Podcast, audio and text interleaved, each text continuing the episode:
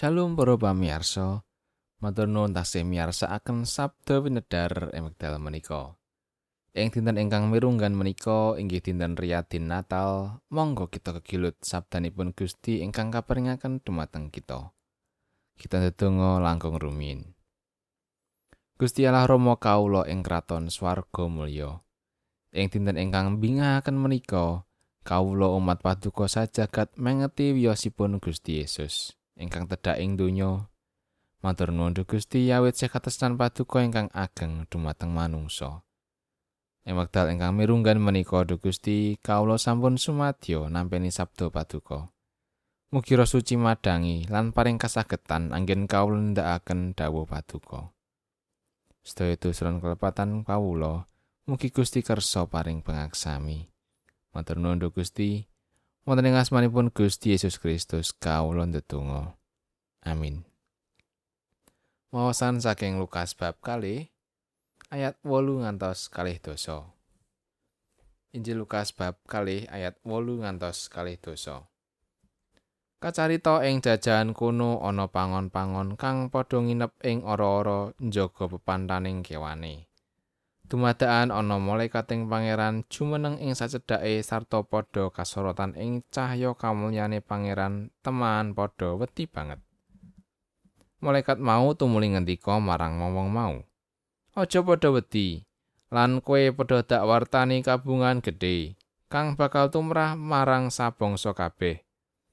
Ing dina iki wis miyos juru slametmu, yaiku Sang Kristus kang jumeneng Gusti ana ing kutane Daud. dene kang minangka tengeran marang kowe mangkene. Kowe bakal merangguli bayi kagedhong sumeleh ing pamakanan. Dumadaan banjur ana bola tandra swarga kang akeh banget cacahe kang barengi malaikat mau sarta padha memuji marang Gusti Allah sabdane. Kamulyana Gusti Allah kang ana ing aluhur lan tentrem rahayu ana ing bumi ing antare manungsa kang dadi renaning panggali. kacarita sapengkere para malaikat menyang ing swarga para pangon mau padha sapocapan mangkene ayo padha menyang ing Bethlehem ndeleng apa sing wis kalakon ing kono? Kaya sing wis dipangandikake dening pangeran marang kita. Banjur enggal-enggal mangkat tumuli ketemu karo Maryam lan Yusuf. Apa dene sang jabang bayi kang sumeleh ing pamakanan? Bareng wis padha nyumurupi banjur padha nyeritakake apa kang wis dipangandikake tumrap sang putra iku. Kabeh wong kang padha krungu padha gumun marang critane pangon-pangon mau. Nanging Maryam nyatet iku mau kabeh ana ing sajroning atine lan dirasak-rasakake. Para pangon tumuli padha bali kelawan memuji lan ngluhurake Allah. Margo sabarang kang wis dikrungu lan wis dideleng cocok karo kang wis dipangandikake marang wong-wong mau. Makatan pangandikanipun Gusti ayat nat saking ayat 19. Nanging Maryam nyeret iku mau kabeh ana ing sajroning atine lan dirasa-rasakake. Para sederek kinasih renungan kaparingan ira-iran manah ingkang tumenga. Ngaturaken sugeng Natal lan sugeng Mahargya rawuhipun Gusti Yesus ing gesang kita sedaya. Pengetan sarta pahargyan Natal menika kalebet setunggaling riyaya gereja ingkang tansah kaantu-antu. Umat Kristen ing saindenging jagat ngriyayakaken kanthi patrap ingkang mawarni-warni minangka wujuding kabinganipun umat anggenipun sami nampi rawuhipun juru wilujenging gesang. Kejawi saking menika, gereja-gereja ing pundi-pundi papan ugi ngawontenaken pangibadah secara mirunggan ing dinten Natal. Sasampunipun nindakaken pangibadah, dipunlajengaken kanthi ngrayakaken sesarengan. Sineng kuyung dening sedaya warganing pasamuan. Ing riku limrahipun wonten pentas drama Natal, paduan suara, beksan, panembromo lan sapanunggalanipun. Sedaya menika minangka mbludaking raos bingah.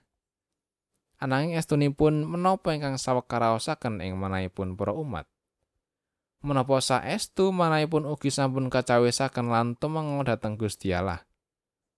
Sampun ngantos warganing pasamuan ingkang mahargya pengetan Natal menika namung ketinggal endah saking jawi kemawon. Namung ketinggal gebyaripun.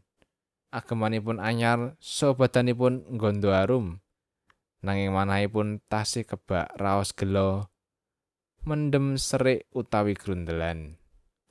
Manah ingkang boten kacawisaken badhe damel manungsa boten saged ngraosaken berkah lan katresnanipun Gusti Allah luber wonten ing gesangipun.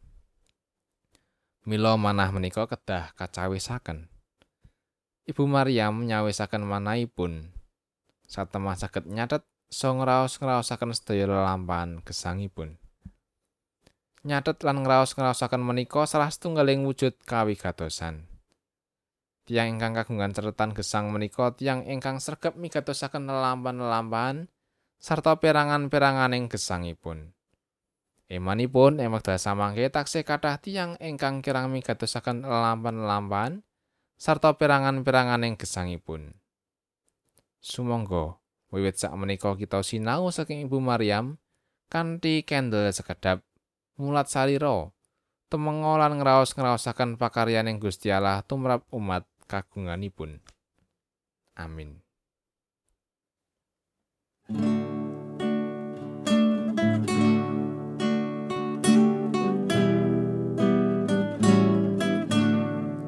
Kabingahan kang sejati ing riyati natal niki. Pasamuan regeng yakti sesarengan nangapekti memuja misungsung ngaken tuso lan nyanyuwun pinga-pinga terus sing mana? Sungka bekjan dateng lian numrahno raharjo wit wus prapto sang pamarto